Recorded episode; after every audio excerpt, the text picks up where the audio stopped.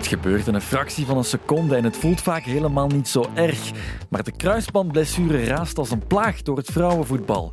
En ze houden je vaak bijna een jaar buiten strijd. Hoe komt het dat vrouwen zo vatbaar zijn voor kruisbandblessures? Uh, hallo, welkom bij nieuwe Sportsa Daily.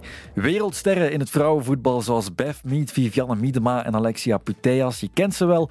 Allemaal moesten ze dit jaar afrekenen met een kruisbandblessure, in het Engels ook wel gekend als een ACL. It's important for myself and Viv also, who's going through the exact same thing as me right now. I think it's important that we kind of as a collective try and get more done for ACLs and research into it. En ze zetten een speelster negen maanden tot een jaar buiten strijd. Het is een van de zwaarste blessures die je kan oplopen in het voetbal. En de vrouwen lijken daar volgens de statistieken extra vatbaar voor. Vijf van de genomineerden van de Ballon d'Or afgelopen jaar met alle vijf een gescheurde voorste kruisband in de knie. Ook het Nederlandse NOS onderzocht het al. En ook bij ons is het nu weer een hot topic. Want spits van de Red Flames Hanna Eurlings ging in het duel tegen Nederland na twee minuten al tegen de grond. Met het gekende gevolg. Eurlings krijgt een beuk komt ze dan slecht neer. Zou kunnen. In elk geval opnieuw verzorging voor Hanna Eurlings. En nu vraagt ze de wissel. Ja, dat is niet leuk natuurlijk. Op deze manier uh, van het veld uh, moeten gaan. Voor Eurlings is de wedstrijd dus na iets meer dan een half uur uh, helaas voorbij. Ik herinner me dat het een lange bal was naar voren.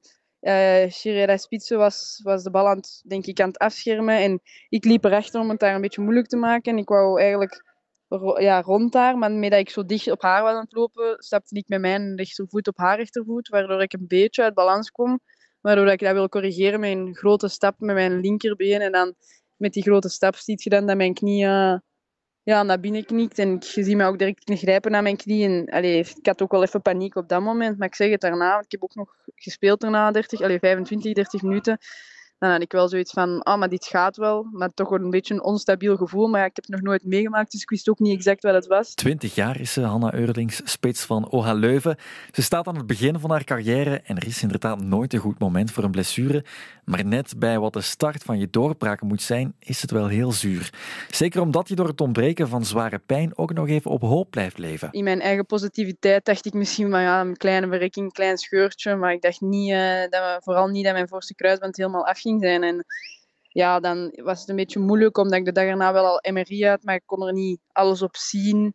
Uh, door het vocht dat er uiteindelijk de dag erna wel in mijn knie zat. Um, maar je zag wel dat mijn voorste kruisband er ja, zeg maar niet normaal uitzag. Maar dan was nog niet duidelijk, is hij half gescheurd, is hij afgescheurd. En ja, ik bleef zo'n beetje in die, in die uh, ja, onwetendheid en dat is zeker niet fijn. En dan, ja, ik denk dat van de dag erna dat ik bij, hier bij de clubdokter van OHL heeft hij ook gewoon direct bevestigd van ja, kijk, uh, als ik het nu zo voel, want er is geen tweede MRI meer genomen, dan voelt dit niet goed. En uh, ja, toen brak ik wel een beetje om het zo te zeggen, want ja, ik, het is, voetbal is het liefste wat ik doe. En dan dan weet je dat dat voor uh, toch een half jaar minstens uh, dat je geen bal gaat raken. En dat, dat is niet plezant. Er is niks zuurder. En ze is niet alleen. Er zijn veel wereldtoppers buiten strijd met die blessure. Maar ook in de kern van de Flames zijn er gevallen. Marie Minnaert bijvoorbeeld, spits van Anderlecht. Het schot is daar en 0-9. Minnaert. Eerste doelpunt voor België voor haar los door het midden. Ook zij scheurde die kruisband op jonge leeftijd, 24 is ze. En ze zag Eurlings nu ook neergaan als toeschouwer bij die match van de Red Flames. Ja, dat is echt verschrikkelijk. Ik was uh, aanwezig op de wedstrijd en wanneer dat ze op de grond viel, ja, ik hield mijn hart vast. Want ik, ik had al een heel klein beetje een vermoeden, aangezien de beweging dat ze maakte. Maar ja, ze ging dan terug op het veld, dus ik was echt super blij dat, dat, ja, dat ze dat terug kon verder doen. Maar dan moest ze er toch af en ja, ik hield mijn hart al vast. En het is echt verschrikkelijk om nu te horen dat ze het, uh, ja, dat ze het ook heeft. Ja, zo is het. Minnaert zelf liep haar blessure op in april. Ze is nu vijf maanden ver in haar revalidatie. En ze vertelt hoe het proces voor haar loopt. Ik ben nu uh, eigenlijk bijna precies vijf maanden na mijn operatie. En uh, het is eigenlijk vooral al heel veel uh, in de fitness geweest. Ehm, ja, mijn, mijn kracht in mijn benen terugkrijgen en vooral gelijk krijgen. Ehm, en uh, ja, overlaatst ben ik eigenlijk een beetje terug begonnen met lopen. En uh, een klein beetje op het veld terug de bal voelen. Dus ik voel me een klein beetje terug voetballer aan het worden. Maar ehm, ja, het is nog een lange weg. Er is inderdaad nog een lange weg, want de herstelperiode van zo'n kruisbandblessure fluctueert volgens de meeste cijfers tussen de 9 en 12 maanden. En meer en meer spelers lijken slachtoffer te worden. Na de Interland België-Nederland speelden onze nationale vrouwen ook nog tegen Schotland. En de Schotten verloren in en na de wedstrijd twee speelsters aan zo'n kruisbandblessure. Is er een dokter in de zaal? Het is inderdaad een, een heel spijtige zaak dat uh, Hanna haar kruisband heeft gescheurd. Uh, maar ze is inderdaad niet de enige. Dit is Thomas Tampere. Ik ben kniechirurg in het uh, UZ van Gent en uh, in AZ Delta Roeselare. Verder ook ploegarts bij Club Brugge al een aantal jaar. En dus de perfecte man om ons verder te helpen. Gevoelsmatig of, of instinctief zou ik durven zeggen of bevestigen dat er inderdaad een, een stijgende trend is in het aantal kruisbandblessures. En dat ook ongeacht het, uh, het niveau eigenlijk. Um, als je ziet dat er kruisbandblessures zijn uh, bij um, de, de vrouwenploeg van Barcelona, bij Arsenal, PSG, Lyon, uh, dus op het hoogste niveau um, zien we daar toch wel een stijgend aantal kruisbandblessures, gevoelsmatig, maar ook in de, in de dagdagelijkse praktijk. Voilà, er is een stijging in die blessures en die is ook niet evenredig aan een mogelijke stijging bij de mannen. Vrouwen hebben nu eenmaal meer kansen om een kruisbandblessure te doen en ook daar geven de, de gegevens van de UEFA eigenlijk aan dat dat risico uh, twee tot zelfs zes keer uh, hoger zou zijn. Dat zijn straffe cijfers, maar hoe komt dat dan? Waarom zijn vrouwen gevoeliger voor die blessure? Er zijn ruwweg drie factoren. En de eerste heeft te maken met de hoek tussen de heup en de knie. Die um, hoek tussen heup en knie um, is anders dan bij mannen. We spreken daarvan een, een X-been of, of valgusalignement die er eigenlijk voor zorgt dat um, de loop- en, en landingsbiomechanica toch uh, uh, anders is dan bij mannen. 2. Als we dan toch spreken over anatomie, um, weerhouden we ook dat er um, bij vrouwen uiteraard een breder bekken aanwezig is, maar ook ter hoogte van de uh, knie zou er zogenaamd minder ruimte zijn voor, voor de kruisband waardoor dat die eigenlijk ook weer vatbaarder is voor, voor een, een scheur.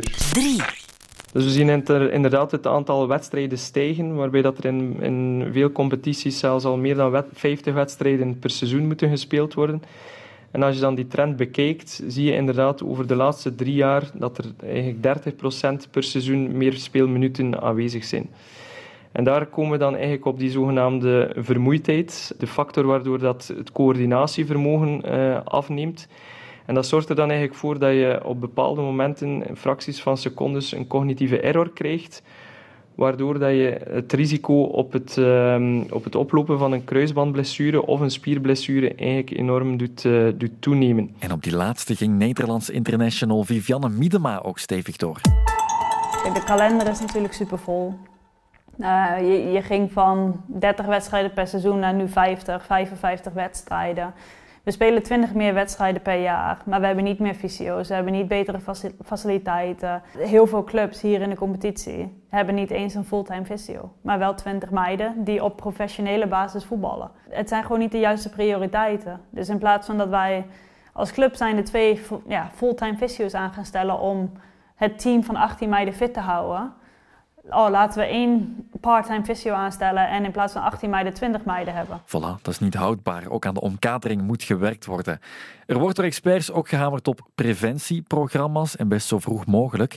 Evert Verhagen, hoogleraar sport, bewegen en gezondheid bij het Amsterdam UMC, vertelde aan NOS dat je te laat bent als je op je zeventiende pas begint.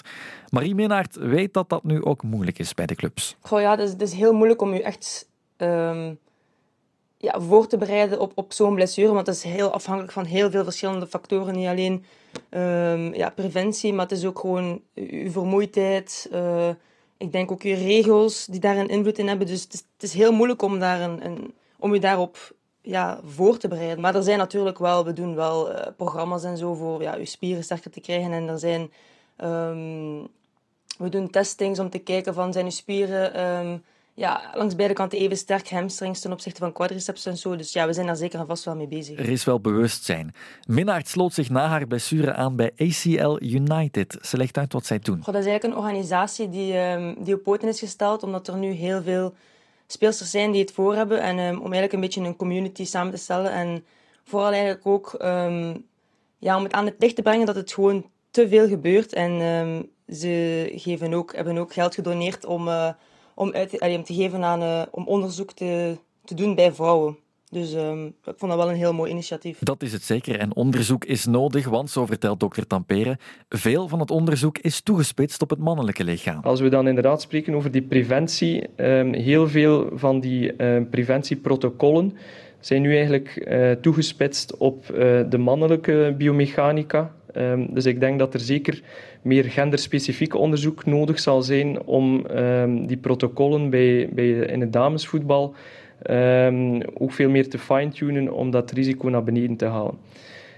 En dan durf ik zelfs verder gaan. Ik denk zelfs dat er, omdat we daar nu in, in verschillende topclubs nu ook wel de ingang zien van een zogenaamde menstruatiecoach. Dat klinkt heel vreemd, maar er wordt heel veel onderzoek gedaan naar de invloed of de, de hormonale factoren met een fluctuatie tijdens de cyclus.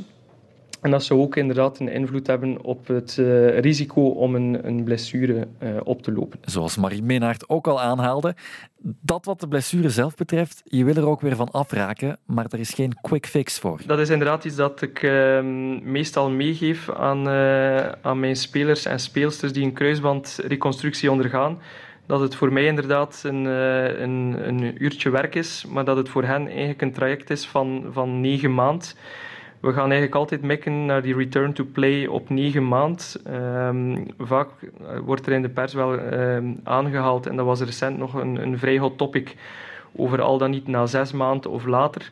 Nu, het gaat vooral over um, de manier waarop dat de knie geneest. Dus om die kruisband te gaan reconstrueren, gebruiken we eigenlijk uh, lichaams-eigen materiaal. Het zij een, hamstringpees of een, een stukje van de quadriceps pees of de patella pees. Maar die, die pees moet eigenlijk ingroeien. En dat, dat is aangetoond dat dat inderdaad wel een, een tijd in beslag neemt. En dat is daarom ook dat die revalidaties um, ook wel um, wat tijd in beslag nemen. We, we, nemen die, die tijd dan ook uiteraard om, om preventief te gaan werken. Zoals dat we daarnet al aanhaalden, is de anatomie en vooral de biomechanica een heel bepalende factor in het oplopen van een kruisbandblessure. Maar we kunnen daar ook preventief uh, gaan werken tijdens die uh, revalidatieperiode. Zoals ik daarnet zei, die loop- en landingsbiomechanica is zeer belangrijk en dat wordt tegenwoordig enorm um, op gehamerd in die revalidatiesessies, dat, uh, dat we daar ook preventief eigenlijk het risico om een recidief op te lopen te gaan uh, beperken. Voilà, en te snel teruggebracht worden, dat is logisch, want ze willen terug het veld op, ze willen terug bijdragen aan het team, maar het risico om te hervallen wordt des te groter. Minnaert is vijf maanden ver, Eurlings begint nog aan haar weg en de motivatie om terug doelpunten te gaan maken, die bouwen ze momenteel op hoop. Ja, ik hoop het alles. hopelijk, uh, hopelijk. Het blijft ook ergens gewoon een groot mysterie, want... Het frustrerende in deze pathologie is dat we nog steeds met, met meer vragen zitten dan antwoorden eigenlijk. En daarom dus ook de grote nood aan meer onderzoek, waar een initiatief zoals ACL United hard op hamert. De kruisbandblessure teistert het vrouwenvoetbal en de lappenman bij de clubs is zowaar een restauratiewerken toe, want die houdt het niet meer. Dit was het voor vandaag. Morgen de laatste Sportstad Daily van de week.